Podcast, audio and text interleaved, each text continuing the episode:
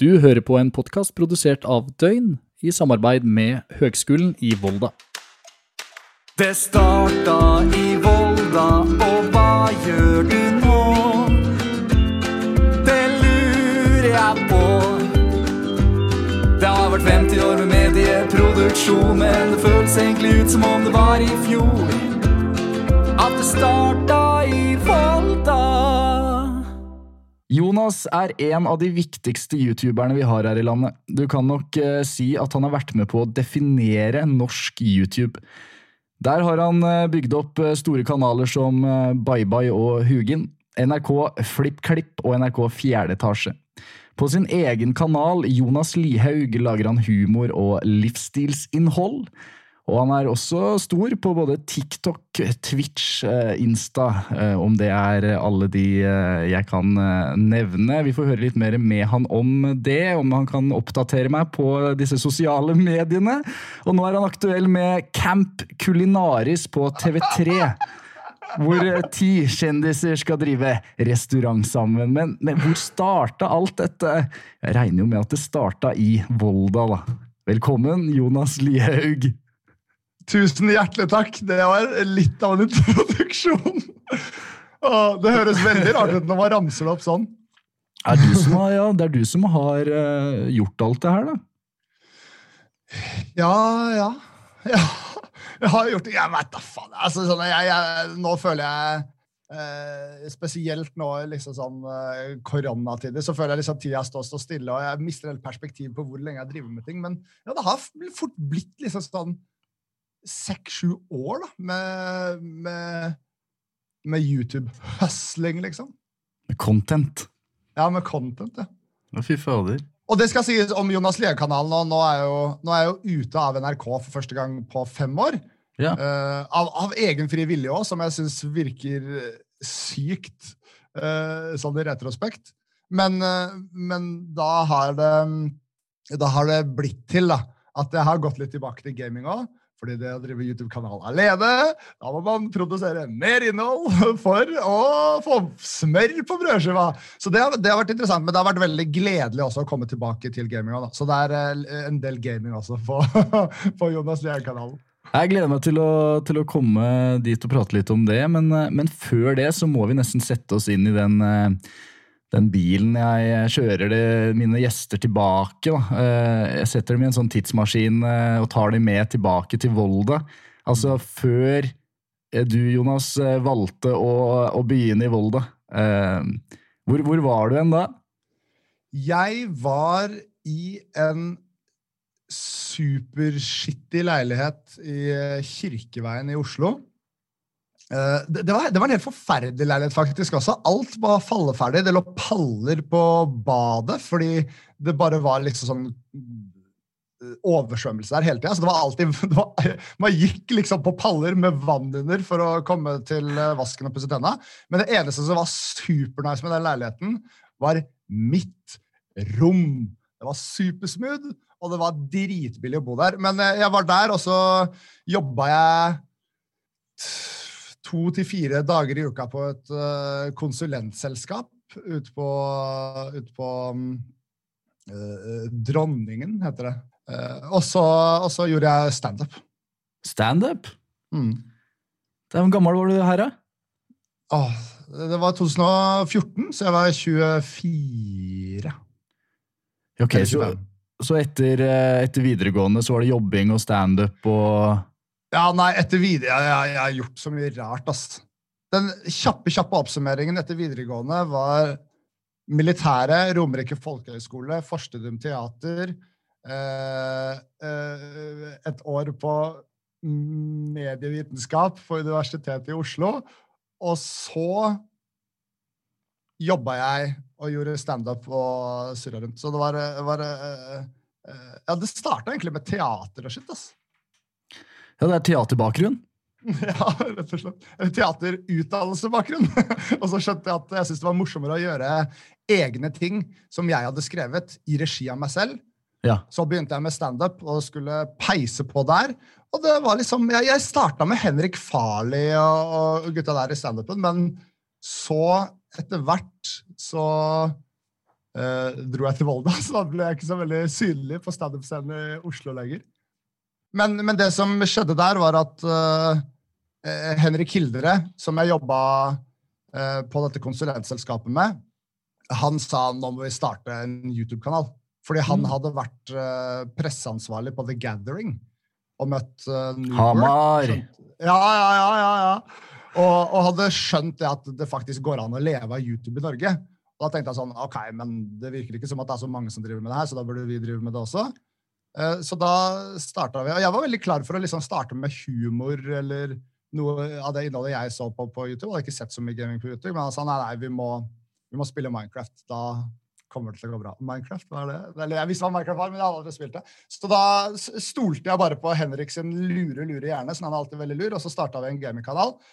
Og var det kanskje én uke etter at vi starta gamingkanalen vår, så flytta jeg til, uh, til Volda. Oi, så du var egentlig i gang med ganske mange prosjekter og, og spennende ting og humor og, og standup og denne nye YouTube-kanalen når du da dro til Volda, skulle egentlig da få en, eh, en, en, utdanning innenfor journalistikk? Var det det du søkte deg inn på? Ja, det var journalistikk, og, og, og tanken bak det var rett og slett bare at sånn Nå er jeg 25 år, og jeg føler jeg, jeg har ikke fullført noe. Jeg har bare hoppa fra år til år til år. Og det har vært fint, det har vært gøy. Eh, og det var ikke noe sånn press fra mamma og pappa, eller noe. det har alltid vært veldig støttende uansett uh, hva jeg vil gjøre. Men jeg hadde en følelse av sånn jeg må, jeg må bare få en, en, bachelor i sekken, på en måte. Og så kunne jeg, visste jeg at jeg kunne få innpass for noe fag uh, i, um, uh, fra medievitenskapen. Så det var kjekt. Og så søkte jeg i Oslo og i Volda. Oslo på førsteplass, faktisk, fordi jeg hadde en kjæreste som også søkte der. Og så kom jeg inn i Volda, hun inn i Oslo. Eh, og da var liksom den uh, øyeblikkelige tanken min sånn Nei, ja, men da går det jo ikke. Jeg skal jo være med kjæresten min i Oslo. Uh, som er en fin tanke, det. men så var det mamma som minte meg på at sånn på vei ut av videregående, så var Volda det som var på førsteplassen min. Det var det jeg hadde mest lyst til. Så jeg hadde helt glemt at jeg i utgangspunktet hadde så lyst til Volda. Og så leste jeg om Volda. Og, og, så tenkte jeg vet du hva, jeg tror bare jeg må dra til Volda. Og så hadde kjæresten min forståelse for det, til tross for at det forholdet ikke overlevde så veldig lenge, da. Eh, men eh, så da, da, sånn ble det Volda. Og det er pokkeren meg glad for, ass. Det var gøy. Ja, det var gøy. Og så tok du og pakka bilen, da, kjørte av gårde, flytta inn i et uh, kollektiv. Uh, eller bodde du alene, eller hvordan var den uh, første tida der? Oppstarten ja, altså, i Volda? Pappa hang henger på bilen, og så kjørte jeg og pappa bortover, rett og slett. Koselig. til Anders Vassbotnvei det er fire eller noe, det er rett ved rundkjøringa i Anders Vassbotnvei der, før du kommer inn i sentrum. Jeg er ikke langt unna der jeg sitter nå. Nei, ikke sant? Og der uh, flytta jeg inn. Det var et kollektiv, men uh, det var liksom sånn, jeg følte meg veldig alene, egentlig. Fordi vi hadde rom på hver vår ende av et kjøkken. Nei, hver vår ende av en lang gang med kjøkken i. Så jeg, men han var veldig hyggelig, han jeg bodde med. Jeg bare så ikke så mye til han. Og han gikk friluftsliv, så han var jo alltid ute. Så jeg hadde liksom stua rett utafor der hvor jeg bodde, og så var det en lang gang, eh, kald gang, bort til kjøkkenet, og så var han innafor kjøkkenet igjen. Kom du, fra, kom du, fra, Oslo, var det det du sa? Mm. Jeg bodde i Oslo da, men jeg, jeg kommer egentlig fra Nesodden. da. Nesodden, ja. Var det litt Jeg har prata med flere nå som har eh, sagt at eh, det var litt klaustrofobisk å flytte fra en så stor eh, by med, med så mye som skjer til lille Volda, uh, med, med, fjell og fjord og ett utested? Nei, jeg, jeg syns det var det motsatte. ja. jeg syns Oslo er klaustrofobisk. Ja. Oi!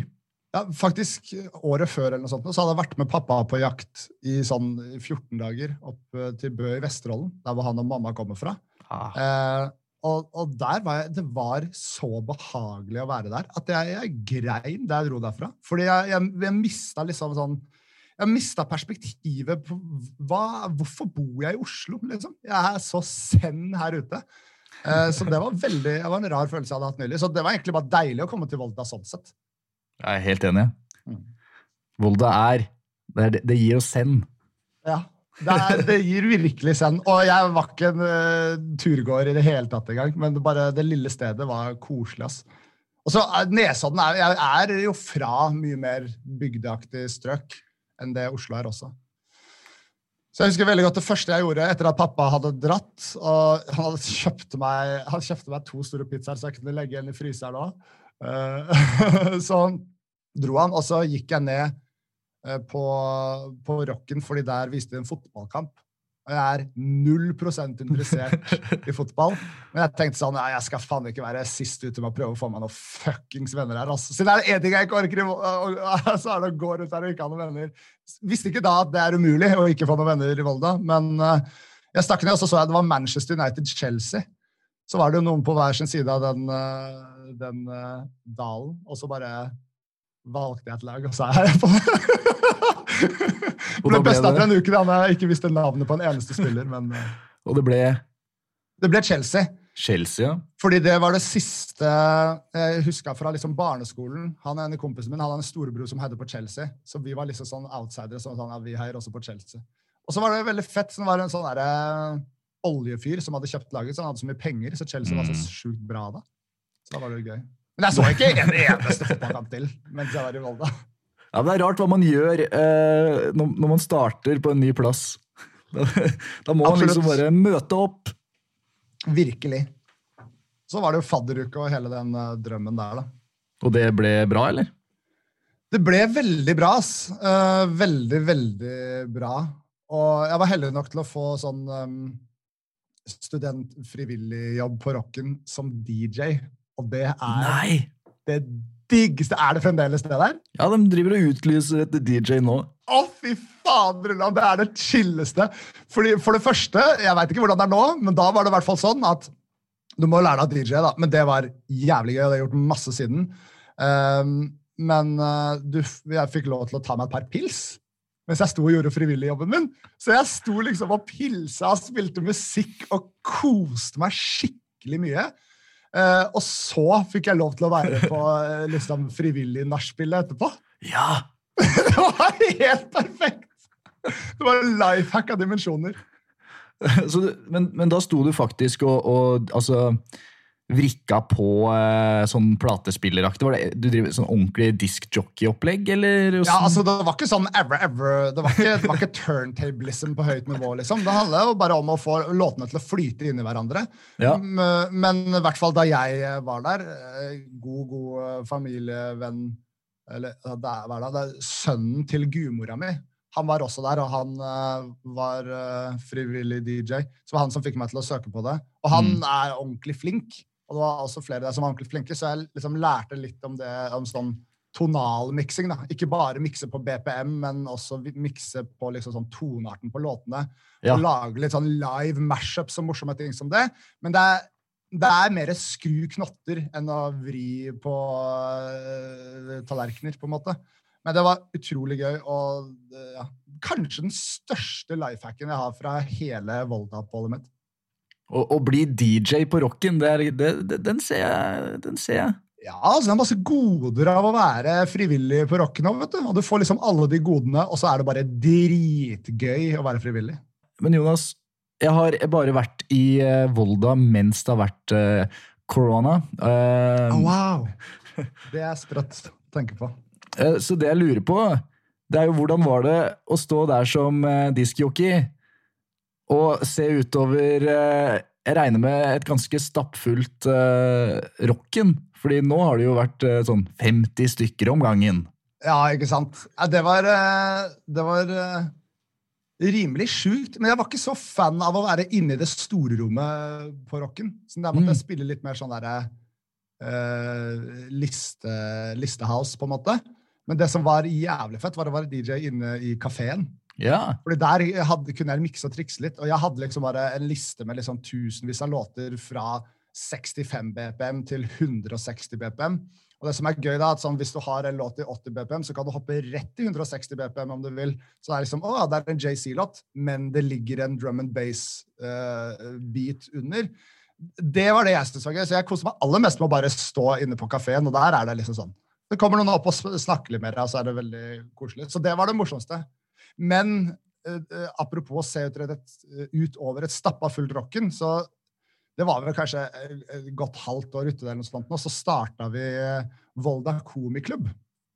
Og det var veldig moro. Jeg, jeg, det er vel kanskje ikke nå lenger, men jeg vet det var en del år etter at vi, vårt kull var ferdig der. Ja, det er noe lignende, det er noe lignende som driver på. De har prøvd seg på å ha litt sånn standup-opplegg, og at folk kan melde seg på litt sånn nå. Ja, ja, det var, det var sånn vi holdt på. Og det var så mangel på det da vi starta det òg. Så med en gang det var noe annet enn liksom, konserter på rocken, så bare flokka alle til. Så første Volda komiklubb, så var det ikke eh, brannforskriftsmessig bra der igjen. Det var så sinnssykt fullt i det store rommet. Og det å stå der og liksom gjøre liksom standup for sine medstudenter Og så inviterte jeg farlig dit, og så inviterte jeg forskjellige gjester dit. Det var, det var helt sinnssykt. Det var veldig, veldig, veldig gøy. Så, men du drev litt det her, du, da, fordi du hadde den standup-bakgrunnen? Ja. Og så drev jeg YouTube-kanal, da. Ja, så nettopp, så mens du var i Volda og starta her, så drev du disse prosjektene? Mm, ja, så jeg hadde en fast idé om at jeg skal ikke slutte å gjøre standup bare fordi jeg flytter til Volda. Og hadde allerede tenkt at det er jo et florerende studentmiljø der. Folk må jo ha lyst til å le litt. Og det regner jeg med at de gjorde? Ja, de, de lo. Det var veldig veldig gøy. Det, det er noe av de morsomste standup-kveldene jeg noensinne har vært på, var der. Fordi etter hvert så jeg eh, nå, nå har jeg begynt å plukke opp Eller før korona så begynte jeg å plukke opp standup litt igjen her i Oslo, og det var veldig veldig gøy. Og nå er jeg mye mer fornøyd med liksom eh, innholdet jeg gjør. Fordi det innholdet jeg gjorde før Volda eh, det, når jeg ser tilbake på det, så cringer jeg litt av det. Så det var litt, sånn der, det var litt selvhevdende og sånne ting. Og det er mye morsommere å på en måte le av hvor teit man selv er, enn å fortelle historier som kan virke litt selvhevdende. Det gikk som regel bra, men jeg var ikke fan av innholdet. Men i Volda så gjorde jeg standup så ofte at jeg gikk helt tom for materiale. Så jeg ble tvunget til å bare skrive nytt. Og, og det var da jeg skjønte at sånn, om jeg først skal gjøre noe standup, så må jeg heller gjøre det sånn her. Fordi plutselig kom jeg til noen sånn patetiske greier om meg selv. Og da gikk det mye bedre.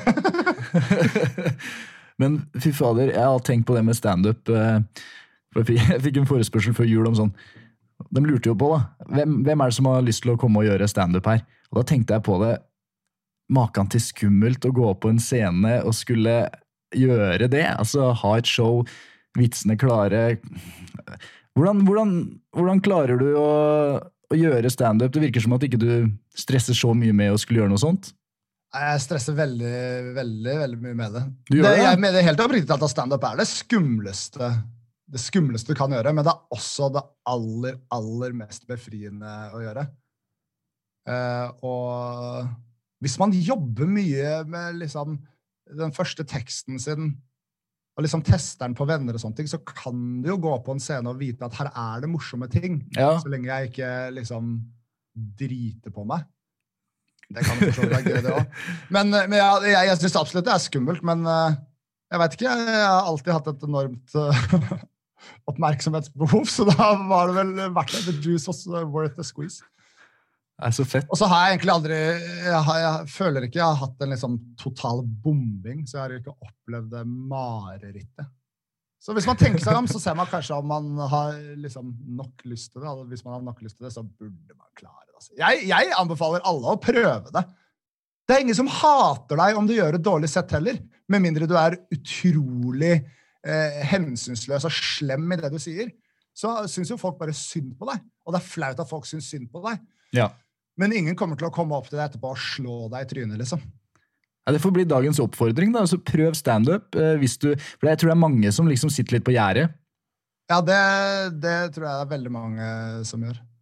Kan jeg liksom få til det? Kan jeg tørre? Og så smell til. Prøv det, i hvert fall. Ja, og vet du hva? Jeg, jeg følte, da jeg kom til Volda Jeg var jo, jeg var jo i midten av 20-åra da jeg begynte i Volda.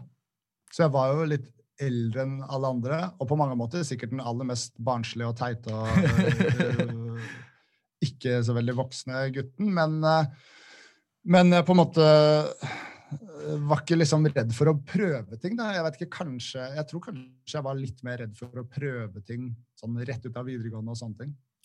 Ja, ja men du, det, det kjenner jeg meg litt igjen i òg, fordi jeg også er jo litt eldre. Nå er jeg, skal vi se, jeg starta for et halvt år siden, jeg er 23. Ja. Så det det er noe med det, altså, de åra der, og det skjer noe. Så nei, hopp ut i det og, og prøv. Det, det, det får vi ta med oss fra, fra dagens uh, samtale. Absolutt. Og jeg, og jeg har liksom venner nå som har begynt med standup nå fordi de har hatt lyst til det Ja, eller for et par år siden, da, fordi de har hatt lyst til det siden de var 19. liksom. Og det er jo, det er jo, det er jo mye verre.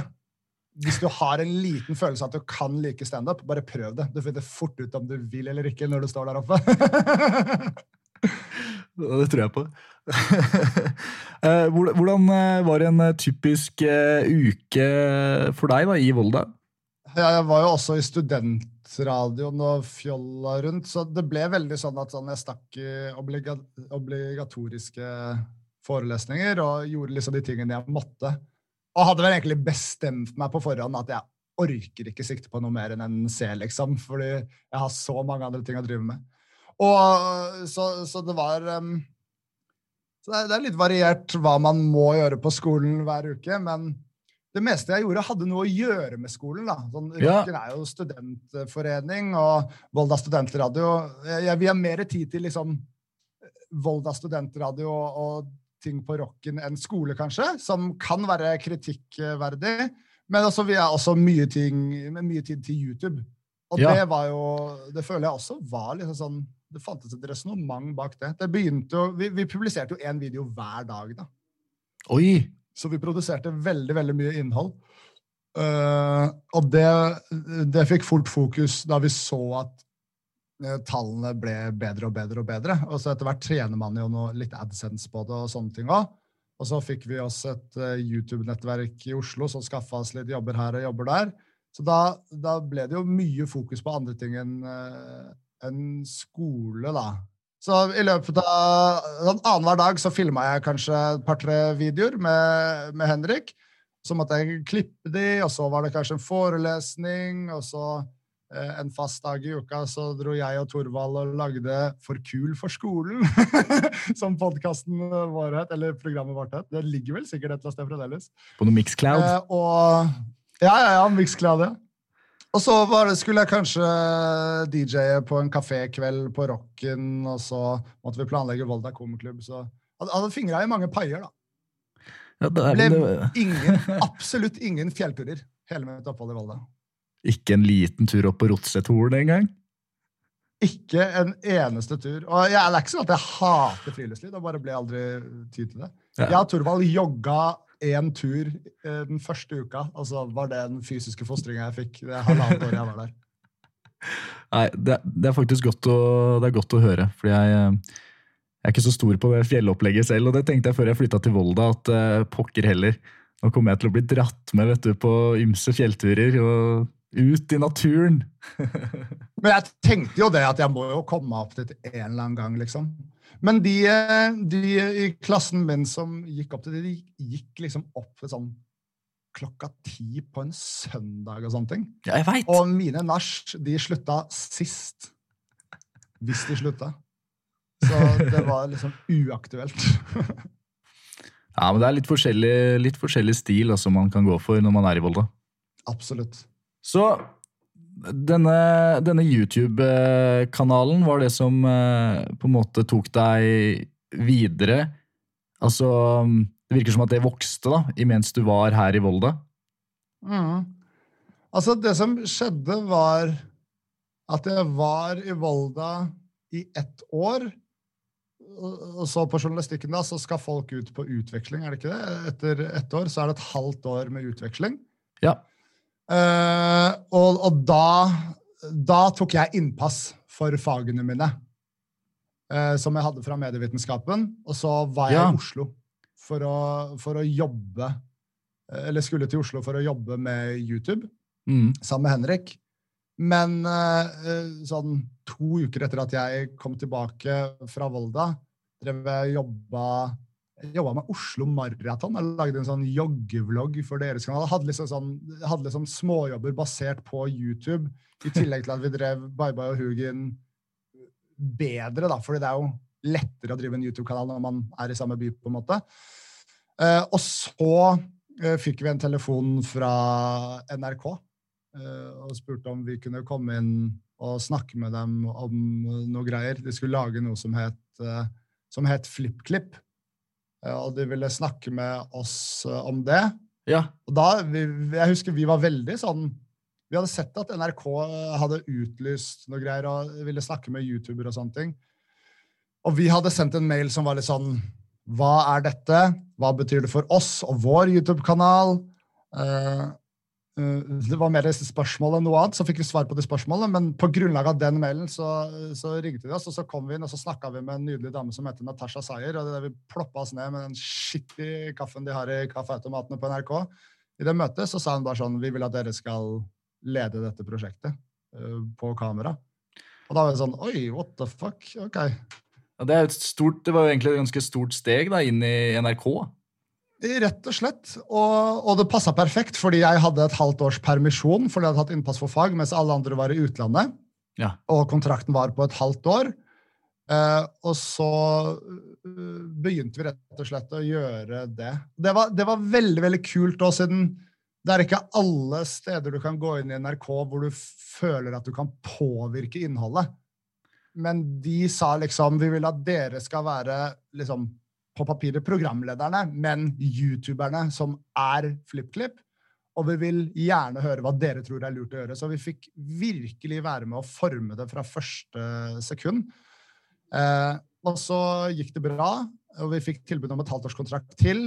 Så tok jeg et halvt år til eh, eh permisjon eller utsettelse fra, eh, fra Volda. Og så når den tredje halvtårskontrakten kom, så var jeg sånn OK, men da da, nå øh, kan jeg vel kanskje slutte. Så da, da begynte det å liksom se bra ut. Da. Og så hadde jeg også gjort meg tanken at sånn Jeg har lyst på en bachelor i journalistikk, men jeg følte så inderlig at det uh, alle snakka om på journalistikk i Volda, var å få jobbe i NRK. Ja. Så hvis jeg fikk liksom tilbud om kontrakter på kontrakter i en jobb hvor jeg liksom får være min egen herre og på kamera, så blir det jo for dumt å dra tilbake for å gjøre ferdig studiene, da. Det går ikke an. Ja, det ble, det ble jo bare kontrakt etter kontrakt etter kontrakt. Altså, jeg besøkte Volda, det var koselig, og så, og så Etter hvert ble jo liksom kullet mitt ferdig der, så da besøkte jeg ikke Volda så mye mer. Eh, men etter to og et halvt år i, eh, i FlippKlipp på NRK Super. Og, og, og, etter å ha vunnet årets YouTuber og hele pakka Faen, den tror jeg har her! Den skal jeg faen meg hente. Det er koselig.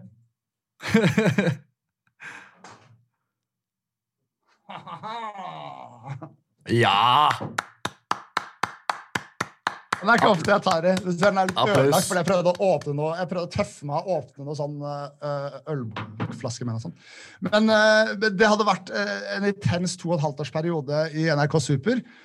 Så trer på en måte det jeg syns er vanskelig med NRK, da, i kraft, som er byråkratiet. Fordi Mm. i NRK Super så skal ingen være programleder i lenger enn to år. Og vi hadde allerede vært eh, programledere i to år. Og, og, og her er der det begynner å liksom bli vanskelig med YouTube i NRK. er liksom lærdommen jeg har fått av det. Fordi det er ikke sånn YouTube fungerer. YouTube burde egentlig bare altså FlippKlipp burde egentlig bare bli tatt til neste nivå. Jobbe eldre. Eh, kanskje til og med fått nytt navn, hva vet jeg. men Ja. Men de flytter ikke altså Den eier NRK Super, så det blir vanskelig å bare gi den til P3. Eh, så vi, vi fikk beskjed om at vi liksom Vi måtte belage oss på at vi var ferdige om et halvt år. Da vi hadde vært der i to år. Så da tok vi inn uh, Viktor. eh, og hadde en sånn glidende overgang til at han skulle bli programleder. Mens jeg og eh, Henrik Hildre, da, min eh, partner in crime på YouTube, og eh, Natasha Sayer, prosjektlederen vår, som er hun er, hun er like irritert på det byråkratiet som meg og Henrik. Eh, Men hun er også en veldig fri sjel i NRK. Hun liker å gjøre nye fremadstormende ting. Så vi tre pitcha til Underholdningsavdelingen. eh, Eller humoravdelingen, faktisk. Vi pitcha, lage, pitcha at vi ville lage en eh, YouTube-kanal for dem. Mm. Som skulle gjøre det samme som FlippKlipp, men for en eldre målgruppe. Fordi de hadde liksom sett i sine undersøkelser at de treffer ingen 17-åringer, og det skal de egentlig gjøre. Så vi sa vi vil treffe 17-åringen med samme oppskrift som FlippKlipp. Uh, vi vet hvordan vi gjør det her. uh, vi vet hvordan dere skal treffe disse. Og var liksom breiale i den pitchen. Og så var det sånn, ja, det kan dere få gjøre. Og plutselig satt vi der i, um, i underholdningsavdelingen isteden og skulle lage en ny kanal fra scratch, da. Og da Det var vanskelig, vi, men eh, det var også veldig skummelt, fordi vi hadde liksom gått inn i den pitchen og vært sånn vi har lagd denne kanalen før, og vi har lagd denne kanalen før, og vi vet hvordan vi bygger publikum på YouTube, og nå skal vi gjøre det for dere, fordi dere mangler denne målgruppa. Og så er det sånn, ja, gjør det da! så sitter vi der, så, men så klekker vi ut en plan som går på det at eh, vi starter en YouTube-kanal helt på bar bakke. Jeg og Henrik får ikke påstander på noen sosiale medier, fordi for å treffe 17-åringen, så må 17-åringen være de første vi treffer, tenkte vi. Okay. Så vi ville ikke ha mange av de barna da, som fulgte oss i FlippKlipp. Så får vi inn Henrik Farley og Martha Leivestad òg. Eh, vi får dem inn så tidlig mest fordi at eh, sjefen i underholdning hadde gitt uttrykk for at hun var ikke interessert i at jeg og Henrik eh, skulle være på kamera. Okay. Eh, Fordi hun så ikke på oss som eh, humorprofiler, men jeg og Henrik hadde andre planer. Så vi mm, fikk med Martha og Farley, og det var veldig gøy å jobbe med Farley på det tidspunktet her, siden vi hadde gjort masse standup for mange år siden. Faktisk etter at vi gikk nykommerkurset, så satte jo jeg og Henrik eh, Farley og tre andre folk opp et sånt standup-show som vi gjorde i en uke i Sandvika. Dæven. Så det var veldig uh. Så det var gøy å jobbe med han igjen. Jeg hadde snakka masse med han om YouTube. og Det virka spennende, og han hadde lyst til å øh, teste litt andre ting enn å bare høsle standup-scenen og firmajobber òg. Selv om det gikk veldig bra for han. da. Eh, Så da var vi i gang, og vi bare gjorde oss til en gruppe. Vi gjorde oss øh, på en måte Et kollektiv. gjorde- Ja, rett og slett. Eh, og så tester man mye rart. og sånn, Hvis du ser på de tidlige tidlige fjerdeetasjevideoene, så ser du mange ting som er skivebom. Men sakte, men sikkert så finner vi frem til en dynamikk innad i gruppa og noen typer videoer som fungerer veldig bra. Eh, Og så bare begynner det å ta av. Det første som gikk veldig bra på fjerde etasje, var vel den at vi, at vi ser på norsk YouTube med eye-tracker. Så Hvis man da ser på en sånn try-on-hall av Amalie Olsen, hvor hun prøver en del sommerklær, da, Ja. så er det liksom interessant å se hvor man ser. Så var det om å gjøre å se minst på feil steder. da. Så det var en sånn, det, Den gikk veldig, veldig bra. Og så, mm, rett etter det, så uh, lagde jeg sammen med en kompis denne uh, Ex on the Beach-låta. hvor vi har lagde en låt, av- en sånn visepop-låt av Ex on the Beach-sitater. Og så klippa vi musikkvideoen sånn at de i Ex on the Beach sang det. Ja. Uh, mens vi klippa oss inn som dansa i bakgrunnen. Sånn. Og den, eh, den poppa også off som et helvete. Jeg husker så- det greiene, jeg husker det greiene her. Ja, det var, det var veldig, veldig god, god stemning. Og så var det halvtårskontrakt etter halvtårskontrakt da, i Ja, det var vel eh, nesten to år, det òg, før, eh, før Henrik Hildre plutselig ikke får forlenga kontrakten sin. Nei. Alle andre får det. Nei. Da var det liksom byråkratiet tilbake inn. Um, og det var, det var et resultat av at Natasha, som var liksom lederen vår, som skjønte hvor vi skulle, hun var sykemeldt. Så vi hadde ikke den, vi hadde ikke den backupen da, som hun pleide å sørge for. Og da var det mange ting som kokte bort i kålen. Blant annet forståelsen for viktigheten av å ha Henrik Hildre der. Eh, Henrik Hildre er jo Han er den smarteste YouTube-fyren i Norge. Og hvis du liksom går inn på fjerde etasje og sorterer etter most popular Nesten alt på toppen der er eh, Henrik Hildre sine brainchilds. Han bare skjønner den plattformen på en måte uten sidestykke. Kult. Og, og han var også en viktig del av gjengen, rent sånn dynamisk. Han var jo litt sånn straight man, han var den vanligste, og han hadde utrolig tørr humor. Men det var veldig viktig for at fjerde etasje var fjerde etasje. Men det syns ikke ledelsen uh, i, uh, i eh, humoravdelingen. Så, uh, de syns rett og slett ikke han var en tydelig nok humorprofil. Og de visste ikke hele rollen han spilte. Så han fikk ikke forlenga kontrakt. Det var ingenting vi kunne gjøre med det. Det er jo dynamikken da, som blir ødelagt. Mm, mm.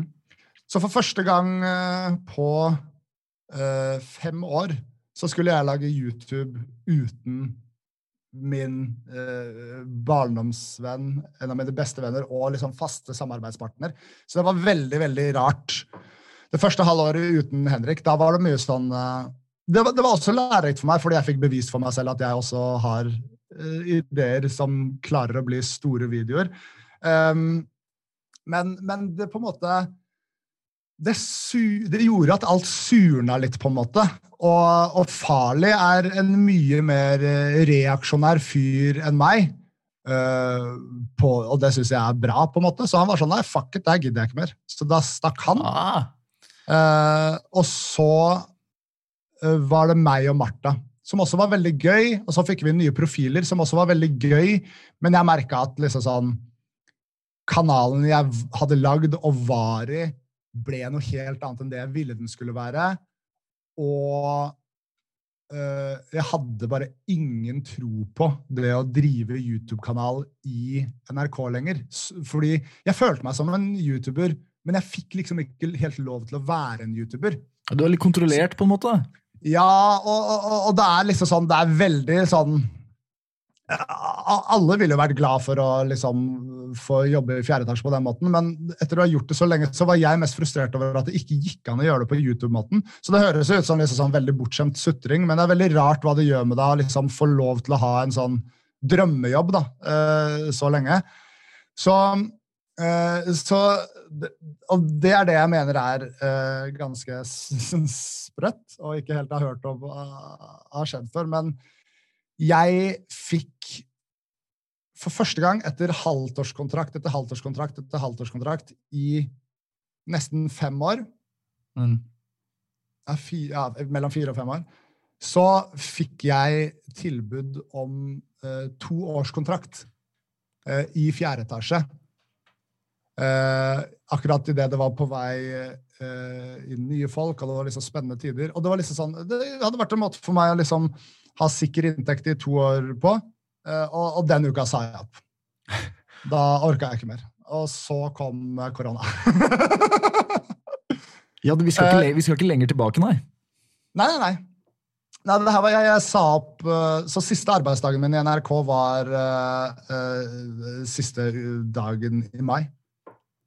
Det var da de ville gi deg to år.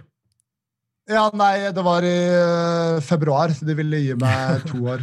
Men, men jeg har jo hatt en så tett dialog med Natasha om alt det her. Bare, greia var jeg, jeg var ikke lykkelig i det hele tatt lenger, liksom. Og jeg sleit med liksom sånn hvor liksom introvert og liksom sånn dårlig humør jeg var i på jobb hele tida. Det var jo bare fordi at jeg, jeg på en måte Jeg følte jo på en måte at jeg, jeg på en måte tapte slaget da Henrik ikke fikk forlenga kontrakt. Så det hadde liksom hengt i lenge, og det var liksom gøy å være der. Og jeg visste på papiret at jeg var veldig heldig som fikk jobbe der, men det bare, jeg, jeg klarte ikke å finne glede, liksom. Eh, så da eh, sa jeg opp når jeg kunne fått en toårskontakt. Og nå, eh, når jeg ser tilbake på det nå, så er det sånn Det har ikke vært ett sekund hvor jeg har angra. Ikke ett eneste sekund. Fordi selv om det å liksom starte en ny kanal i korona og lage struktur for egen arbeidshverdag og sånne ting har vært eh, kjempevanskelig, så er det sånn Nå er jeg på et punkt hvor jeg ser at det går. Eh, og, og det er det jeg trenger. Jeg trenger å være min egen herre. Jeg trenger å vite at denne kanalen ikke potensielt bare kan skjøttes ned ved at noen Mm. ikke forstår helt hva vi driver med.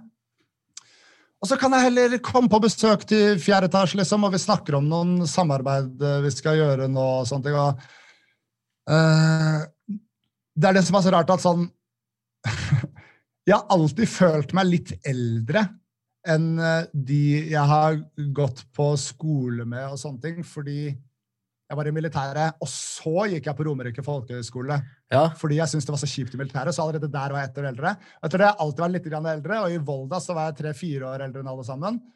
Uh, og nå, i en alder av 31, så slutta jeg i NRK og, og, og føler helt oppriktig talt at det er nå eventyret begynner, liksom. Ja, Spennende. Ja, det er helt for jævlig digg, liksom.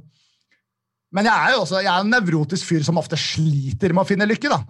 Så det er jo ikke Ja. bare det. altså sånn, Med en gang jeg fikk jobb i, i FlippKlipp, så jobba jeg der i tre-fire måneder, og så måtte jeg, måtte jeg til psykologen liksom, og bare snakke om sånn, hvorfor, hvorfor er jeg ikke lykkelig nå?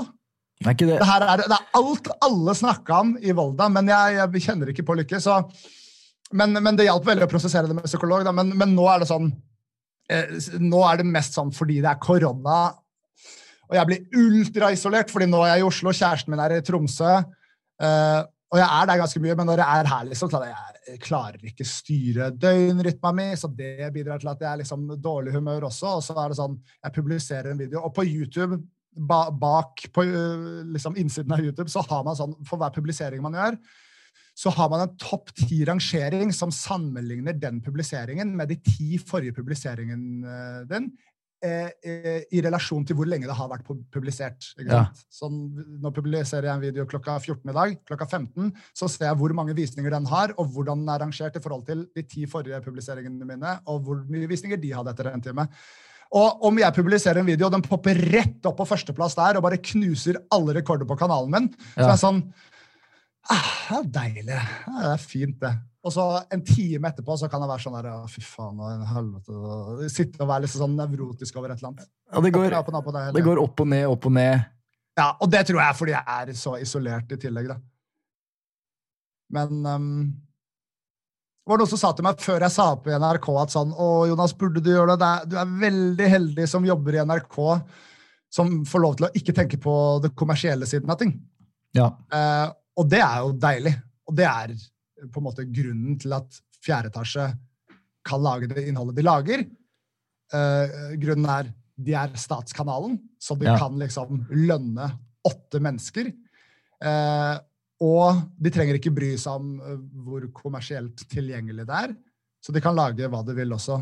Uh, men, så det var jeg litt sånn redd for. Men nå merker jeg sånn Jeg syns egentlig det er bare veldig spennende at det finnes en ekstra motivasjon i å fokusere på å lage videoer som fungerer, og treffe ting, fremfor å bare være edgy. Jeg savner å være edgy, og jeg kommer til å gjøre edgy ting. Men den, der, eh, den kommersialiseringen av en kanal det er egentlig blitt veldig spennende. Og som sagt så har jeg begynt å gjøre gaming igjen. Fordi Ja. det er lettere å lage, og det får mye visninger. Og det på en måte pusha meg til å prøve å gjøre gaming gøy for meg nå. Så det er jeg også glad for. Så det er liksom mange nye utfordringer som jeg finner veldig veldig spennende. Og så gleder jeg meg veldig til korona er over, og det blir liksom YouTube-fester og litt lettere, lettere kommersielt marked. Men um, det føles veldig riktig og bra nå, faktisk. Altså, godt å høre. Jo, takk. Altså, er det, jo viktig, det er jo viktig i, i den prosessen her, når du driver med YouTube Du selger jo på en måte deg selv, det du gjør, så er det jo viktig at eh, du midt oppi det er i godt humør og føler, føler deg bra. Så, så det, det at du da tok reisen vekk fra NRK og på en måte finner den gleden, det er jo det det er basert på, alt det du gjør. Ja, absolutt. Absolutt. Og um, på en måte så føler jeg litt sånn at det nesten er mest synd på um, at Det blir jo ikke helt riktig, fordi hun på en måte er jo en annen del av det, men, men det er også synd på Natasha Sayer oppi alt der, som fremdeles er prosjektleder for fjerde etasje. Eh, fordi hun Jeg tror jeg tror også at hun hadde hatt godt av å gjøre andre ting utenfor NRK. Fordi hun er et hode som jeg nesten vil si Nå høres det ut som at jeg hater NRK. Det gjør jeg ikke. Jeg er supertakknemlig for de eh, fem åra jeg var der, og det gikk Ja. meg så mye. Men noen ting er vanskelig i NRK, og man vil gjøre visse ting. Men Natasha føler jeg at er et sånt, det er et hode som er så mye større enn NRK. Men hun har jo på en måte, hun har jo jobba der i en lang, lang årrekke. og liksom starta i P3 med Excel-TV og lagde juntafil. og hun har liksom, hun har ikke erfaring fra noe annet, men hun hadde hun, hun er liksom sånn ja, var, jeg og Natasha og Henrik var veldig gode venner og veldig gode samarbeidspartnere. Mm. Og jeg syns det er synd å ikke jobbe med henne lenger, men jeg vet også at hun syns det. da. Ja, for det, det ble litt psykologtime der! ja, det vet du. jeg har booka inn de jeg har prata med tidligere nå. Jeg skal ta nye timer neste uke. ja, ja, ja, ja, Jeg bestiller en ny time. um, Nei, altså det, ja, du snakker om, eh, om viktigheten av uh, å finne sånne personer da, som ser deg, forstår deg og, og, og, på en måte tror på ideene dine. Og, og når du da blir møtt med at uh, NRK ikke forstår nødvendigvis da at han bestekompisen din, hvor viktig han var for at du skulle fungere, og den dynamikken der, den, ja, den kjenner jeg veldig på selv òg. Det er sånn jeg har venner rundt meg som kanskje ikke folk tenker er veldig viktige for at jeg skal fungere, men de er kjempeviktige. Mm. Så. Ja, Og venner i vennegjengen din, som er viktig for dynamikken i vennegjengen din. Veldig. Og det var det fjerde etasje var. En vennegjeng. på en måte. Ikke kødd Ikke kødd med vennegjengen!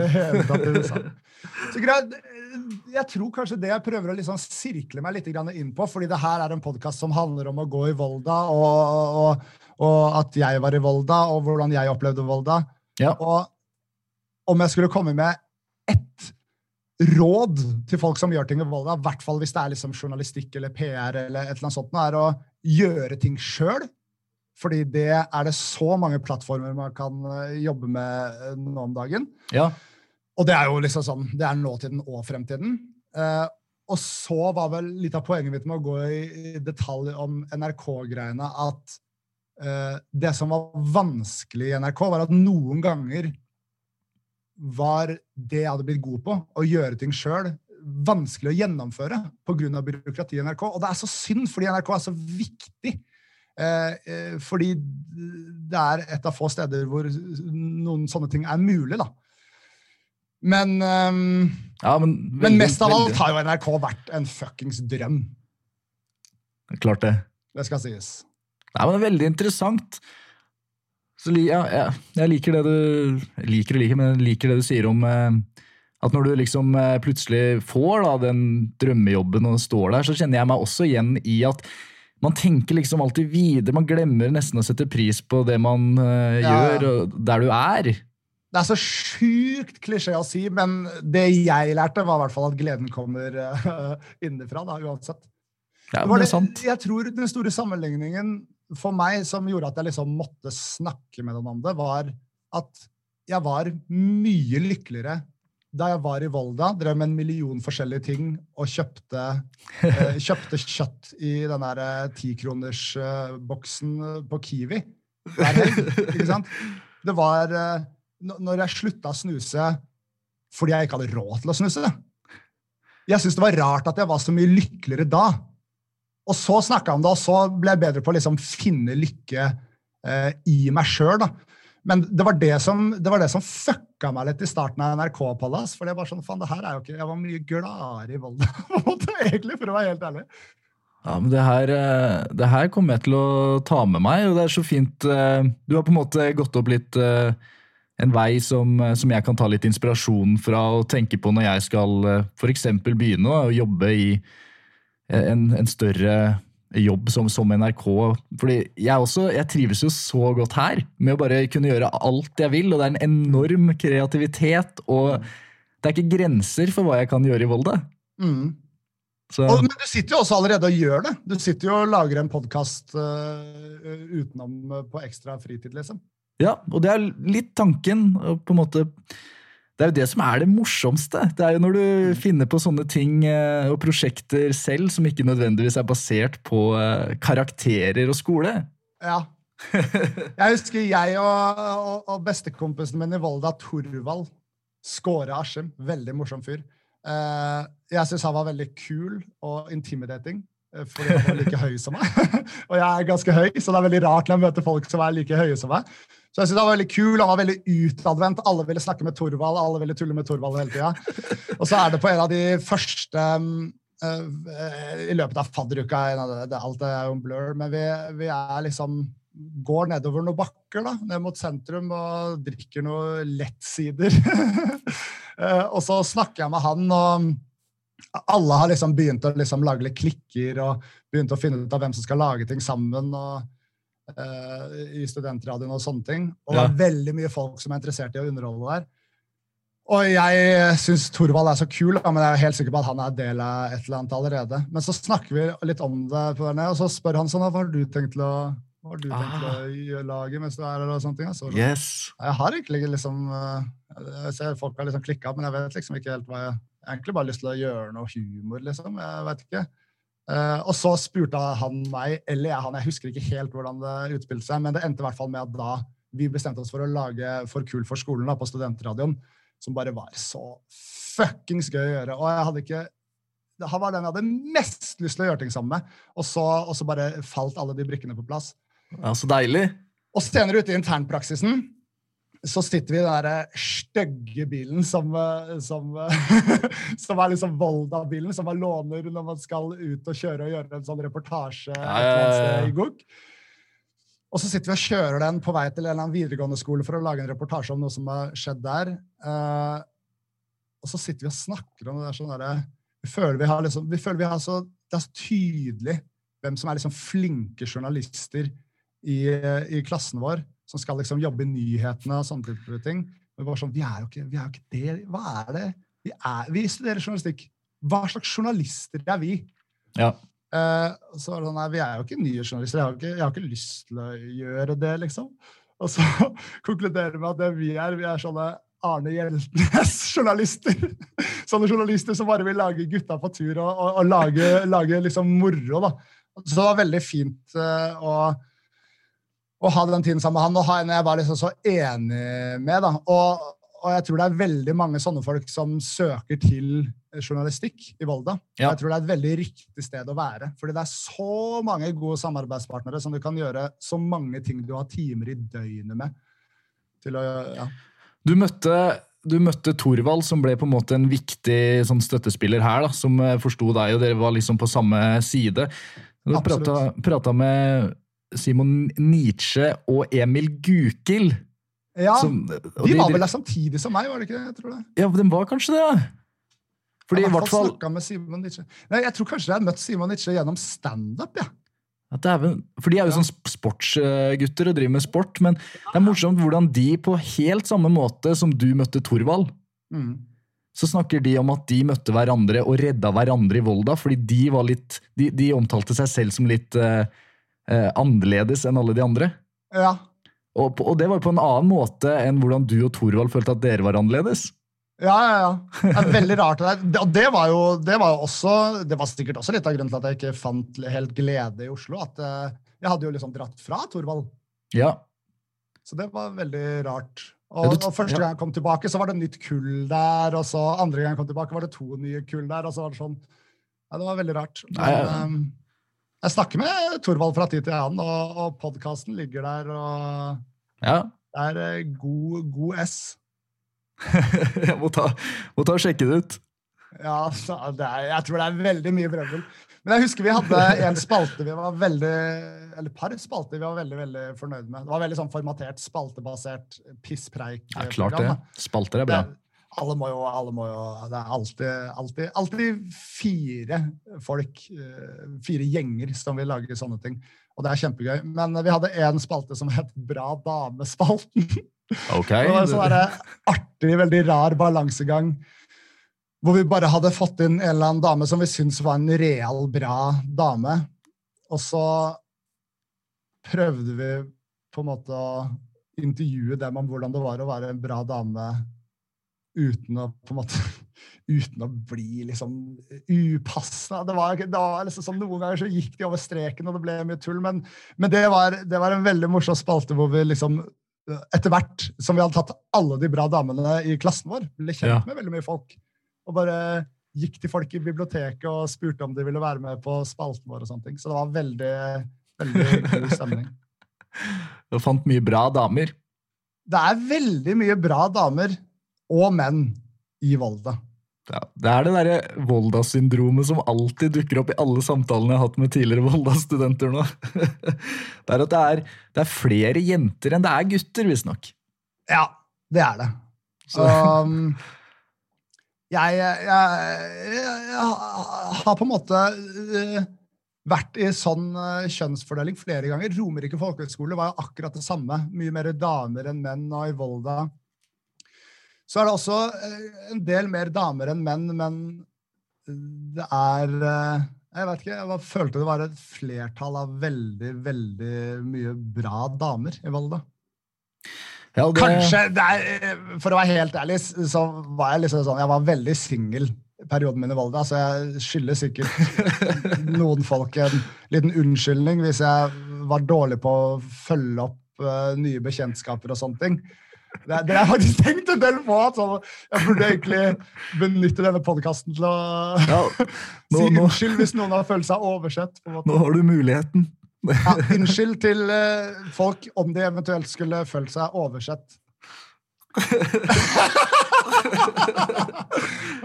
Alle de du si pløyde, alle de du pløyde over. Nei, jeg, jeg, er en snill, en snill eh, fyr, da, føler jeg. Du slår meg som en snill fyr, eh, Jonas. Nå, nå, begynner jeg, nå har vi en times tid her eh, med prat. Det er jo litt, jeg synes det er noe av det mest fascinerende med hele det opplegget her som jeg kjører med den podkasten her. Jeg har aldri møtt deg før. Nei, Det er egentlig unaturlig at vi skal prate sammen. men har man no, en Volda-opplevelse å snakke om, så har man mye å snakke om. Ja, og så er det så spennende å høre om de ulike reisene og hvordan du har havna der du har havna, for det er så sykt ulikt fra andre. Ja, Det er veldig rart. Og jeg må jo si det at sånn nå, Når jeg plutselig var med på Camp Culinaris og sånne ting, og Ja. når du leste opp den introduksjonen, så er det sånn Jeg, jeg, det, jeg, jeg passer jo ikke inn i det selskapet der. Det er noe, rart. jeg er bare Jonas, liksom. Det er, det Men du er er, viktig. Du er, er noe rart viktig. på det. Ja, men jeg syns det er så viktig, fordi når jeg så, når jeg så nå eh, et lite utdrag før jeg tok eh, praten med deg i dag, så er det jo du som er det lille ekstra i, i den miksen der. Ja, det, det er jo hyggelig å høre. Når kommer det her ut? Den podkasten. Ja. Ja, jeg tenkte at vi kunne begynne å legge det ut uh, om et par uh, uker, egentlig. Ja, okay, ja, For så nå- da er det jo implisitt at jeg er den første som ryker ut. Spoiler alert! Men jeg tenker Ja, det, men er, vi det er gøy å si det her, fordi det var det som var så rart med Camp Culinaris-oppholdet mitt. at sånn, Jeg kom dit, og så er det sånn herre Jeg var veldig takknemlig for å bli kasta dit, og jeg følte absolutt at jeg hadde noe å komme med der. ja. Men en annen del av meg var litt sånn herre er, er jeg der, liksom? Kan jeg bli kasta til sånn kjendisreality? Jeg følte det er sånn Det er veldig mye jante i meg, da. Så Ja. jeg bare følte det var så rart. Jeg følte ikke jeg passa inn. Og så, og så brukte jeg de første dagene på å virkelig komme meg inn i det. og virkelig sånn, Nå skal jeg gjøre en innsats! Og så bare driter jeg meg ut på to konkurranser på rad, og så er jeg bare Nei. ute. Og så er jeg sånn derre Nei, «Ja, nei, ja, nei. Da var det ikke, da var det ikke greia, da. Ah, hva lagde Men nå, nå sitter jeg og lager en reaksjonsserie på det på YouTube-kanalen min, selvfølgelig, og det er jo Det er veldig gøy. Jeg merker at sånn Når jeg sitter og reagerer på det, her alene på rommet mitt, liksom, så merker jeg sånn Å ja, men det er nå jeg er Det er nå er nå jeg er i mitt ess, når jeg får sitte her og slenge dritt. på en måte. Kanskje jeg ikke var bra. Jeg gikk bare rundt og fniste. Jeg var så excited over alt sammen. Så det er veldig gøy å reagere på det nå. Men det er også veldig rart. det der det det, når man driver med YouTube, så er det, det er veldig uh, humbling. Siden du er stort sett bare på internett og har interaksjon med seerne dine på internett. Ja. Og så etter hvert når kanalen vokser, så plutselig liksom kommer det litt folk opp til deg på gata. og sånne ting. Men, men det er noe jeg, jeg har aldri, og kommer nok aldri, til å føle meg som en kjendis. Fordi det er jeg føler Jeg, liker ikke, på en måte. Det er, det er noe ved meg som ikke vil være kjendis, men jeg er veldig oppmerksomhetssjuk. Ja. Og nå som jeg er kommersielt aktiv, så er det jo, jo mer attraction, jo mer penger, på en måte. Rar miks, da, egentlig. Det er At en du- veldig, veldig rar miks. Men jeg, Ja. jeg tror bare jeg har veldig mye jantelov i meg. Og Jeg vet ikke. Det er veldig rart. Men, Men jeg, jeg ja. veldig gjerne flere reality-program. Det var kjempegøy. Og det var altfor kort første gang. ja, for det, det var jo synd. Pokker heller. Jeg håpa jo å se deg eh, videre igjen. Og, i Ja, Det camp, var ikke eh, meninga å spoile det for deg, da, men jeg følte det var noe å si om det. i den... uh, hva var, det du, hva var det du bomma på? Var det noe fisk eller noe? da? Nei, greia var at altså, jeg, jeg naila jo den første serveringen. Alt gikk kjempebra, men så, fordi det gikk bra, så må det velges ut uh, en som skal konkurrere med den som restaurantsjefen velger ut. Ja. Og i den nominasjonskonkurransen så skulle vi servere uh, vi, vi skulle ta bestilling fra tre stykker og så servere dem så mye riktig som overhodet mulig. Så det var liksom et sånn memory game. da. Uff. Så hver person bestilte noe å drikke og en sandwich med sju ingredienser. Så kunne du velge hvor mye av det du skulle servere dem. Det var ikke noe minuspoeng for å droppe ting, men det var minuspoeng for å levere feil. Så Ja. greia var at jeg tenkte for å, for å sikre meg, da, så skulle jeg huske drikka av tre ingredienser per person. Og det gikk uh, kjempebra. Uh, men idet jeg plasserer den ene tallerken, så sier den ene, ene av de som jeg serverer, sånn Er du sikker på at det her er riktig? ja? Og så er jeg sånn, å, da ble jeg sånn, å, å, Og så bytter jeg om to av tallerkenene. Så istedenfor å få tolv poeng, som hadde sikra meg mer enn det, så får jeg minus fire. Nei! Så, Nei, nei, så, nei, nei, nei, nei, nei. Lotepus, som bare ga alle en brødskive hver og fikk tre poeng, han var bedre enn meg, liksom. Så, og da må man i kokkekamp, og da var jeg i kokkekamp med hun eh, Maria, som jo restaurantsjefen hadde valgt ut, som betydde at restaurantsjefen ville ha henne ut. Eh, og så gjør jeg bare en like dust slumsefeil i den eh, konkurransen. Enda en Jeg, jeg, jeg, jo- jeg er jo ferdig liksom fem minutter før tida med retten min. Ja. Og så glemmer jeg å helle noe kraft over blåskjellene til slutt. Og da er ikke retten min ferdig, så da ryker jeg på huet og ræva ut. Så det, og da veit jeg at jeg grein mye òg, for jeg, jeg jeg, jeg har ikke sett den episoden ennå. Jeg skal se den og lage en liksom, live reaksjon av det. Jeg har utsatt og utsatt det fordi jeg gruer meg sånn til å se det. Men, men jeg var så utrolig skuffa over meg selv. Uh, og, og det var så hyggelig å være der inne med de andre. Det var masse supertrivelige folk der. Og i tillegg visste jeg at Maria var jo valgt ut til konkurransen fordi restaurantsjefen og noen flere ikke ville at hun skulle være der. Så jeg følte jeg skuffa dem også. Eh, og, så, mm, eh, og så tror jeg altså i det øyeblikket Siden jeg taper konkurransen, blir tverr og sur, gir en sur klem, sier ha det til de andre, snakker surt med Kjartan på bakrommet etterpå, han kokkesjefen. Og, og bare har vært sur, liksom. Og så kommer jeg i synk etterpå og snakker med kamera. Og da fuckings bryter jeg sammen, liksom. Fordi jeg er så skuffa og så sur. Og så tror jeg også at liksom sånn bare Alt som har plagd meg eh, siden sist gang jeg gråt, som var veldig lenge siden, bare ramler innover meg, så det blir veldig mye gråting der. Så det er det jeg er spent på. der Sånn, kom alt. Hva, ja, jeg er spent på hva de har tatt med av det, på en måte. Så jeg gruer meg til det, fordi jeg satt og grein der ganske lenge. Eh, og så i tillegg, liksom på vei inn der i portrettintervjuet, det ble ikke med, da, men da er det sånn herre Jeg har alltid sett på reality og lurt på liksom der, hvorfor folk blir så jævla rørt etter å ha kjent hverandre i en uke. Ja, sjæl, jeg har tenkt på det. Ja, og jeg har vært der inne i fire dager og bare sitter og strigriner. Så jeg får liksom spise mine egne ord der. Men sånn som nå, jeg gruer meg til å se episoden, men jeg gleder meg til å se det, fordi det gir meg en mulighet til å snakke med seerne mine litt om hva Ja. som skjer på innsiden av huet mitt. Fordi, fordi jeg drikker så mye piss, fordi jeg har lagd blodpannekaker, fordi jeg alltid er så mye, da, altså høyenergi, så er det veldig mange som ser på meg som liksom tror at jeg er en sånn evig glad fyr som ikke har noen negative følelser. Men faktum er at jeg har mest negative følelser stort sett hele tiden. Så da kan jeg snakke om det, og det er det som er deilig med YouTube. Snakke direkte til seerne sine om hva som faktisk foregår. Jeg bare har ikke hatt så mange muligheter til det. Og så tror jeg også det du sier der altså Det er jo de følelsene det, At du har det settet med følelser og kan føle på alt det der. Det er der på en måte humoren og all den moroa og energien kommer fra. Ja, ja, ja jeg tror det. På en viss Altså, ja. Det er litt vanskelig å jeg, For jeg kjenner meg litt igjen i det. Det er sånn Mm. Ja, man må, man må no, Og noen ganger så må det komme ut. Ja, jeg tror i hvert fall personen jeg er i filmer, kommer jo bare av at jeg har et bredt spekter av følelser som er lett tilgjengelig for meg. Ja. Det er ikke sånn at veldig mange, spesielt når det kommer til gaming, er jo veldig glad i å se meg liksom rage, da, som de kaller det for. eller liksom bare bli forbanna. Det er jo ikke et strategisk grep av meg som jeg liksom skrur på. Jeg blir jo fuckings forbanna, liksom. Det er ikke skuespill? Nei, nei, det er, det er jo ikke det. Og jeg, jeg legger kanskje liksom mindre tøyler på meg selv da, når jeg Ja. tar opp en video, enn når jeg spiller bare for moro skyld. Men, men eh, det, det eh, lett tilgjengelige følelseslivet mitt er nok mye av grunnen til at noen videoer er underholdende.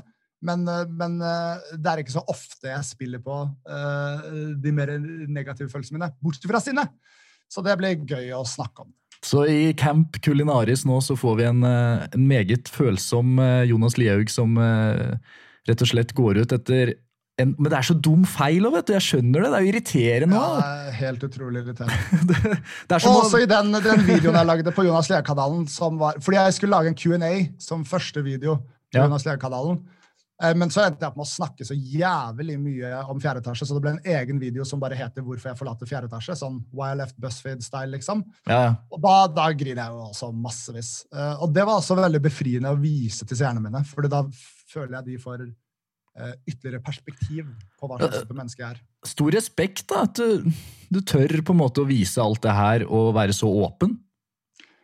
Jo da, ja, jeg syns det er viktig. Men samtidig så er det sånn Jeg var utrolig skeptisk på om jeg skulle legge det ut, fordi Ja. jeg syns det er piss med youtubere som legger ut liksom grinevideoer for views, liksom. Så det handler jo ikke om det, men så det, det er alltid sånn lei balansegang i meg som er sånn herre Jeg burde gjøre dette, men herregud, det er jo bare søppelhuer som gjør det, liksom. Men så er det sånn Fuck, jeg må gjøre det. Så, så nå, nå som jeg er kommersielt aktiv, så føler jeg at Dennis Vareide har vært en veldig god støttespiller for meg. Ja. Og hva som fikk meg til å begynne med gaming. fordi jeg sa det sånn der, Jonas, du må velge. Enten så er du en hobby-youtuber, eller så driver du kanalene som en business. Og hvis du driver kanalene som en business, så må du prøve å få så mye views som overhodet mulig, og da må du drive med gaming. Du eh, formes ikke av å lage gaming. Du former gaming, sa han til meg. Og så begynte jeg å gjøre gaming. og ja, Han har vært flink til å gjøre meg litt mer kynisk i forhold til det å drive en business. da. Det er bra, fordi hvis ikke så hadde jeg ikke hatt kunne levd av YouTube-kanalen min. Det er jo den balansegangen da, med å være kreativ, eh, og du liker alt det du gjør og syns det er fett, og kreativiteten og alt det, og så har du det der andre siden av det hvor du faktisk må tenke hvordan du skal tjene penger på det, og det, det kommer jeg til å synes blir vanskelig altså, med alt jeg har gjort opp gjennom livet. Og jeg, jeg liker så godt den kreative siden av det, men jeg syns det er vanskelig med den andre siden, da, der det faktisk handler om å tjene litt og Nei. Ja! Det er noe med at uansett hvordan du vrir og vender på det, så er YouTube lavkultur.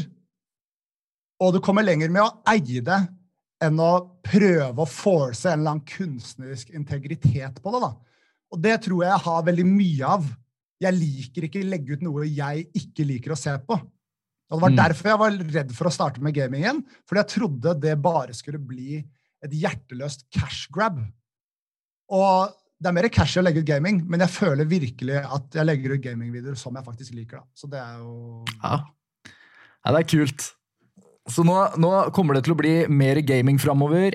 Og masse content på Jonas Lihaug sin, eh, altså din egen eh, YouTube-kanal der. Hva, hva skjer framover? Eh, re Reaction-videos på Camp Kulinaris. Ja, Per denne episoden så er jeg vel kanskje ferdig med det. Kanskje jeg lager et par reaksjonsvideoer på Camp Culinaris uh, etter hvert. Ja. Vet. Men, uh, men gamingvideoer kommer det i hvert fall to av i uka. Så skal jeg prøve å få ut en video som ikke er gaming i uka òg. Fordi jeg er veldig opptatt av å lage videoer som ikke er gaming. Og så gleder jeg meg til samfunnet åpner litt mer. fordi på en eller annen rar måte så er det, det er så mye som ikke er eh, mulig å gjøre nå. Fordi jeg kunne gått ut og gjort ting ute, men sånn som YouTube-nettverket mitt, da. Jeg på en måte trenger en kameramann og trenger litt, litt av deres kompetanse. Det er mye lettere å liksom lage en Ja, spiser og trener som Norges sterkeste mann med en kameramann. Det er mye lettere å gjøre ting med folk når samfunnet er litt mer åpent. Og eh, YouTube-nettverket mitt er litt grann, eh, lukka nå. Samfunnet er litt grann lukka nå. Så på en eller annen rar måte så føler jeg at alt jeg har gjort nå på Jonas Lie-kanalen, det er på en måte før jeg på en måte har starta litt. ja men det er kult, da. Det er kult. mot startstreken, så det syns jeg er veldig spennende. Jeg har veldig mange planer for mer fjerdeetasje-ish, eh, Jonas i fjerdeetasje-ish eh, innhold som jeg har lyst til å lage. da. Å, jeg gleder meg. Jeg gleder meg sjæl, ass. Og nå, nå føler jeg sånn herre Nå kommer liksom eh, lille djevelen på skulderen min og er sånn der Fy faen, Jonas, du babler så jævlig mye.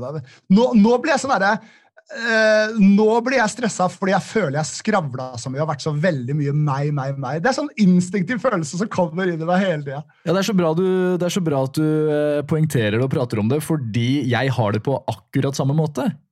Å oh, ja. Jeg tror, nå trodde jeg du skulle si sånn, Det er så bra at du nevner det, for jeg skulle til å si noe. At nå må du Nei, nei, nei. nei, nei, nei.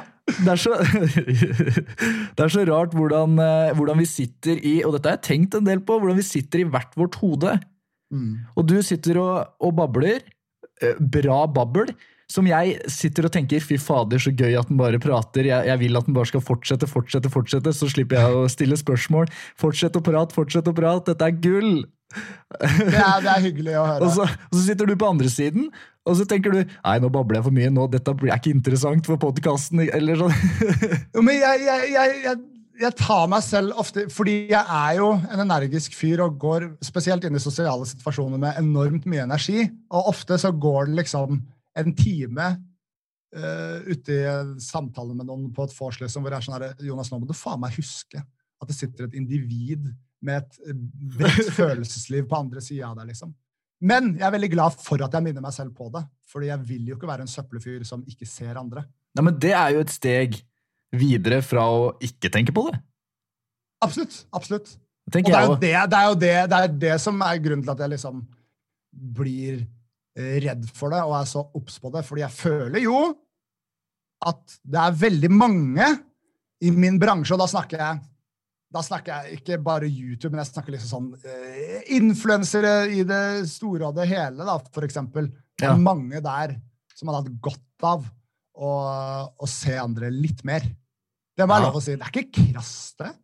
Jeg syns det er greit, men det, det er jo en, eh, noe vi kan tenke på i samfunnet. òg. ikke, ikke, at jeg skal bli for dyp, men, ja. uh, men generelt bare det å ta hodet opp og, og se litt uh, på de du prater med, de du er med, se rundt deg, det, det er jo et livsråd. Det, er bare, det verste jeg vet, er folk som er høye på seg sjøl. Og det er derfor jeg blir så jævlig redd for å være det. Fordi jeg vet at det er på en måte litt en del av jobben min å være litt høy på meg sjøl. Ja, du må jo det. Mm. Du må jo, og du må jo ha trua på det du gjør, og du må jo gå liksom all in og Du selger jo et produkt som er deg. Ja, ja, ja. Det er kjemperart. Det er utrolig spennende, det greiene vi har prata om i dag. Altså. Jeg, jeg, er jo uendelig takknemlig for at du gidder å prate med meg igjen. Jeg er kjempeglad for å være her. Jeg syns det var en kjempegod idé. For det første, da du sendte den mailen, ja. Eh, kjempegod idé, denne podkasten. Ja, og for det andre, da jeg fant ut at liksom, du gjør det liksom, på fritida di for å gjøre det lille ekstra, så syns jeg det er bare megafett. Fordi det er liksom sånn, det er det beste noen kan gjøre på et hvilket som helst studie som handler om å liksom produsere ting. Ja, det er vel et av de beste tipsene som, som jeg har fått, og som du også kommer med nå. Det å gjøre ting ved siden av og bare ja, og jeg føler Volda er veldig støttende på det òg. Ja. Var, eh, folk var veldig, liksom, Lærere og forelesere og alt var veldig interessert i dette YouTube-greiene. Hvis noen fra Volda ser det her, jeg kommer gjerne holde foredrag om YouTube, jeg. Bare kontakt eh, manageren min på thea.vigger.egmont.com. Nei, men det, det har jeg faktisk tenkt mye på. at sånn, På et, på et studie som journalistikk da, i Volda, og PR Vi hadde mye frem og tilbake med PR opp igjennom. Så det burde jo vært lært litt om, uh, om, YouTube og sosiale medier. Jeg vet ikke om det er noe mer av nå, men det var ikke noe av det da jeg gikk der. Altså, Jonas, det du, det du sier nå, det, det, det hadde vært det hadde vært så gull, fordi er det noe vi ikke lærer nok om, så er det jo sosiale medier, YouTube, som kan Og for min egen del, jeg skulle ønske jeg kunne visst mye mer om det. At det kunne komme inn folk og lært meg om alle mulighetene som er på nett, og spesielt da på YouTube. Og du er jo ekspert, så at skolen ikke har tatt deg tilbake for å prate om YouTube, det er, det er for meg veldig rart. Det er litt av en oppfordring! Kom igjen, Volda! Jeg kommer, jeg! Jeg husker jeg tenkte på det. Vi hadde en sånn dritflink krigsjournalist eh, som var inne og snakka om jobben sin. Det var dritspennende. Men da ja. tenkte jeg sånn Jeg hadde veldig, veldig godt likt å se noen som jobber med det jeg jobber med her. For da ja. var det liksom sånn, Jeg hadde likt å se noen av det liksom sånn Altså, Sånn som Dennis Vareide da, da kjente jeg jo han ikke. Men han var der ute og gjorde det før alle andre. og Det har vært fascinerende å høre han snakke om det, fordi nå som Dennis er en god venn av meg, bare sånn antall gangene han har bare servert meg informasjon og lærdom som har gull i altså det, det, det, er så verdifullt, liksom. Eh, ja. Det, er, det, er, det, er, så lærerikt for så mange flere å høre om. Og det må være en plass til... Det er ikke sånn at det ikke er plass til flere på den plattformen heller. Faktisk, Kom til YouTube, da, folkens! Lag funny shit. Hør, hør, hør, hør. Er lyden god, er allting godt, sier jeg. Kamera kan være et webcam, men skaff deg mikrofon og lag noe. Ja, Dette her er sterke oppfordringer. Og så må det jo være plass, tenker jeg, til de som ikke nødvendigvis har lyst til å bli nyhetskorrespondenter. Nå sa jeg det rett, ja. gjorde jeg ikke det? Ja, ja, ja. Det, det veldig rett og tydelig. Det er, så mange, det er så mange som ønsker det. Men samtidig så har du den gjengen som Ja, jeg har mange venner her som er sånn jeg vet egentlig ikke helt uh, hva jeg skal gjøre. Jeg har lyst til å gjøre noe uh, sånn kom komikk. Altså, jeg har lyst til å gjøre noe gøy. Jeg har lyst til å lage noen sketsjer. Men men det er ikke nødvendigvis noe vi blir oppfordra til å gjøre. og Vi prater ikke så mye om det i studietida, om, om det å forme en um, en mer karakter når det gjelder humor. Nei. Og det også kunne jo vært en egen utdanning, eller? Ja, ja absolutt. Eller i hvert fall når man lærer noe om på journalistikk. Hvor mange journalister er det ikke som liksom har gått ut og endt opp med å gjøre noe med humor? Det er ganske mange. Uh, og jeg, jeg, altså sånn For min del kunne Når jeg ser i etterkant hva folk har blitt, ja. så føler jeg at liksom PR og journalistikk det kunne bare vært smelta sammen til et medie. Fordi det er så mange som gikk PR, som har blitt journalister, og så mange journalister som har blitt PR-folk. Etter når ja. jeg ser på kullet mitt. liksom. Og Vi jobber litt for lite sammen med dem òg. Det blir sånn PR-gjengen de er for seg selv, og så er journalistikkgjengen litt for seg selv. altså... Nei, Nå syns jeg vi begynner å løse mange problemer her, altså. Ja. Det hadde vært fett, da. Det hadde vært fett å høre egentlig mer Jeg hadde vært veldig interessert i å høre enda mer om alt som skjer bak det å lage YouTube. Altså, ja. jeg aner jo ingenting eh, om det. det. det. får nesten bli eh, eventuelt en annen podkast, eh, kanskje. Det, er alltid, det, det, som er så fascinerende med YouTube, er at det er jo en algoritme bak hvordan alt eh, fungerer. Og den endrer seg. Så strategien er alltid en annen. Da jeg og Henrik uh, drev med Baiba Hugen i uh, Volda-tiden, ja. så handla uh, Da hadde det akkurat gått over fra å handle om visningstall, bedre visningstall pusher deg mer i algoritmene, til å handle om watchtime. Hvor lenge folk ser på videoene dine, og hvor lang deres session på din kanal er. Sånn du kan drive dem videre inn i andre videoer på kanalen din. Så ja. belønnes du også for det. Så det var derfor at det fungerte så veldig veldig bra for meg og Henrik. Siden de hadde akkurat rett i krafta. Så jeg og Henrik vi lagde daglige videoer for å lage mye innhold. Mange videoer som de kunne bli anbefalt videre til. Og så gjorde vi de også lange. Det var så bra, fordi Vi hadde ikke så mye tid til å redigere. Så det vi øvde oss på, istedenfor å øve oss på å klippe fort, så øvde vi oss på å la hvert minutt av opptaket vårt telle. Så ja. vi hadde en intro, vi, og så babla vi mens vi spilte Minecraft i 25 minutter. Og så hadde vi en utro, og det var videoen.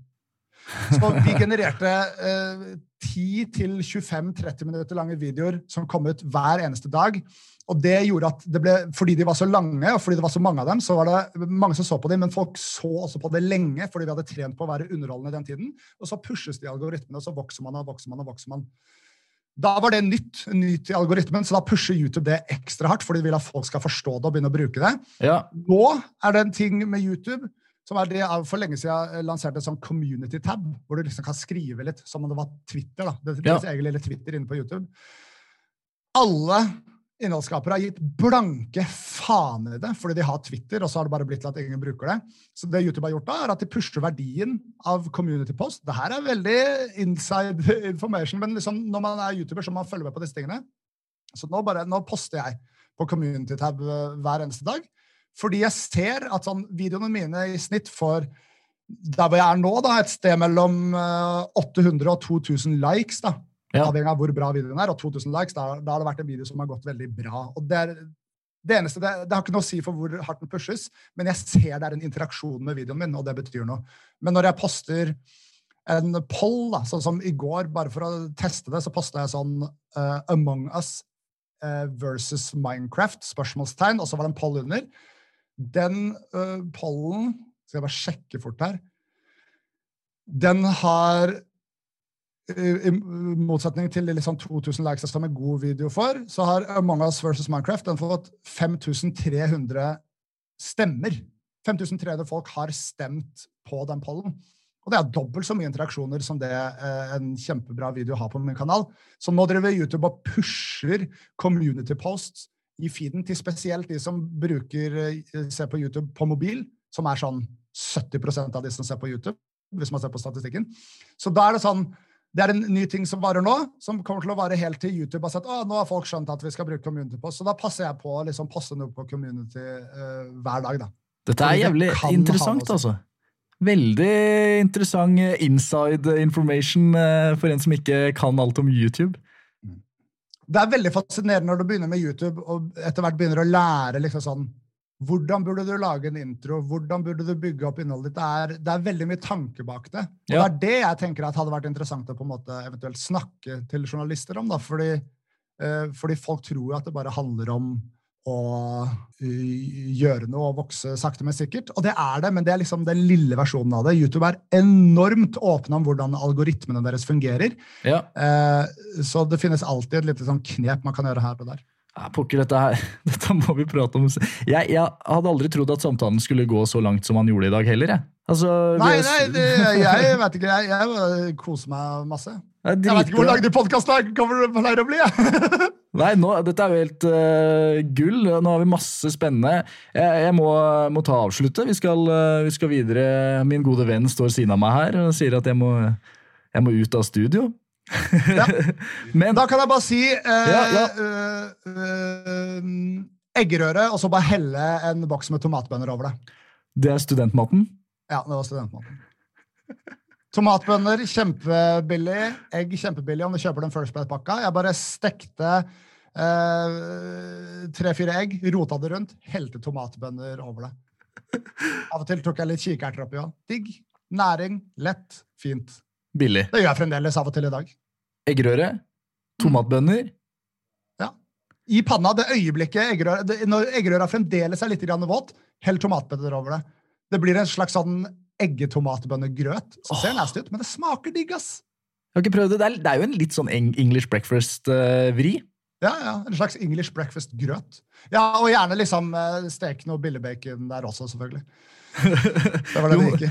Jonas, uh, på vegne av uh, hele gjengen her som jeg bor med, og på vegne av Volda-communityen, så takker vi så mye for at du tok deg tid så åpen om alt og gadd å prate med, med meg i dag. Jeg, og jeg mener det. Jeg, er veldig takknemlig for at du, for at du gadd der. Tusen takk for at jeg fikk prate så mye og at jeg fikk være med. Jeg synes det er veldig hyggelig. Og nyt tida di videre i Volda. Jeg håper samfunnet åpner litt mer for deg snart, så du kan få oppleve det for reals. Det er det jeg gleder meg til. Volda ja. eh, post korona. Ja, ja, ja. Kan ikke du komme, Kanskje du kan komme nedover, da? Det hadde vært veldig veldig gøy. Hold en gjesteforeløsning, og så Og så er døra åpen. Å, fy fader, det hadde vært megahyggelig. Mega, megahyggelig. Så ordner vi en ordentlig langhelg, da, vet du. Ja, det hadde vært helt nydelig når samfunnet åpner. Altså. Å, fy fader. Nei, jeg savner Volda. Savner Volda. Nei, det er godt. Så uh, lag ting på siden. Søk uh, som uh, hus-DJ på rocken. Det er mine ja. største anbefalinger. Det tar vi med oss. Jeg, jeg må bli DJ, jeg nå. ja. Ok, da stopper jeg opptaket. Da sier vi ha det! Ha det! Du har hørt en podkast produsert av Døgn i samarbeid med Høgskolen i Volda. Programleder var Erlend Arnesen. Det starta i Volda, og hva gjør du nå?